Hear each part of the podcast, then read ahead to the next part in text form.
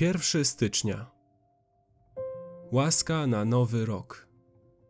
Ale z łaski Boga jestem tym, czym jestem, a łaska Jego okazana mi nie była daremna, lecz daleko więcej niż oni wszyscy pracowałem.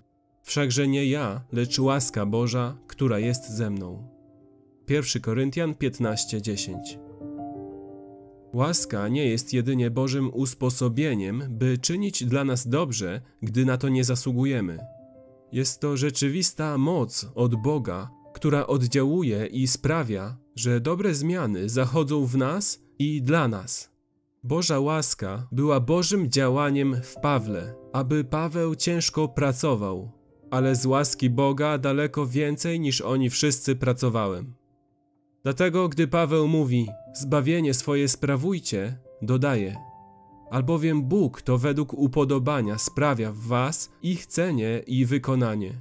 Filipian 2 od 12 do 13. Łaska jest mocą od Boga, by czynić dobre zmiany w nas i dla nas. Ta łaska jest przeszła i przyszła. Nieustannie spada nikłym wodospadem teraźniejszości, niewyczerpaną rzeką płynącą do nas z przyszłości, do wciąż powiększającego się rezerwuaru łaski w przeszłości. W ciągu następnych pięciu minut otrzymasz podtrzymującą łaskę, płynącą do ciebie z przyszłości i zgromadzisz następną pięciominutową wartość łaski w rezerwuarze przeszłości.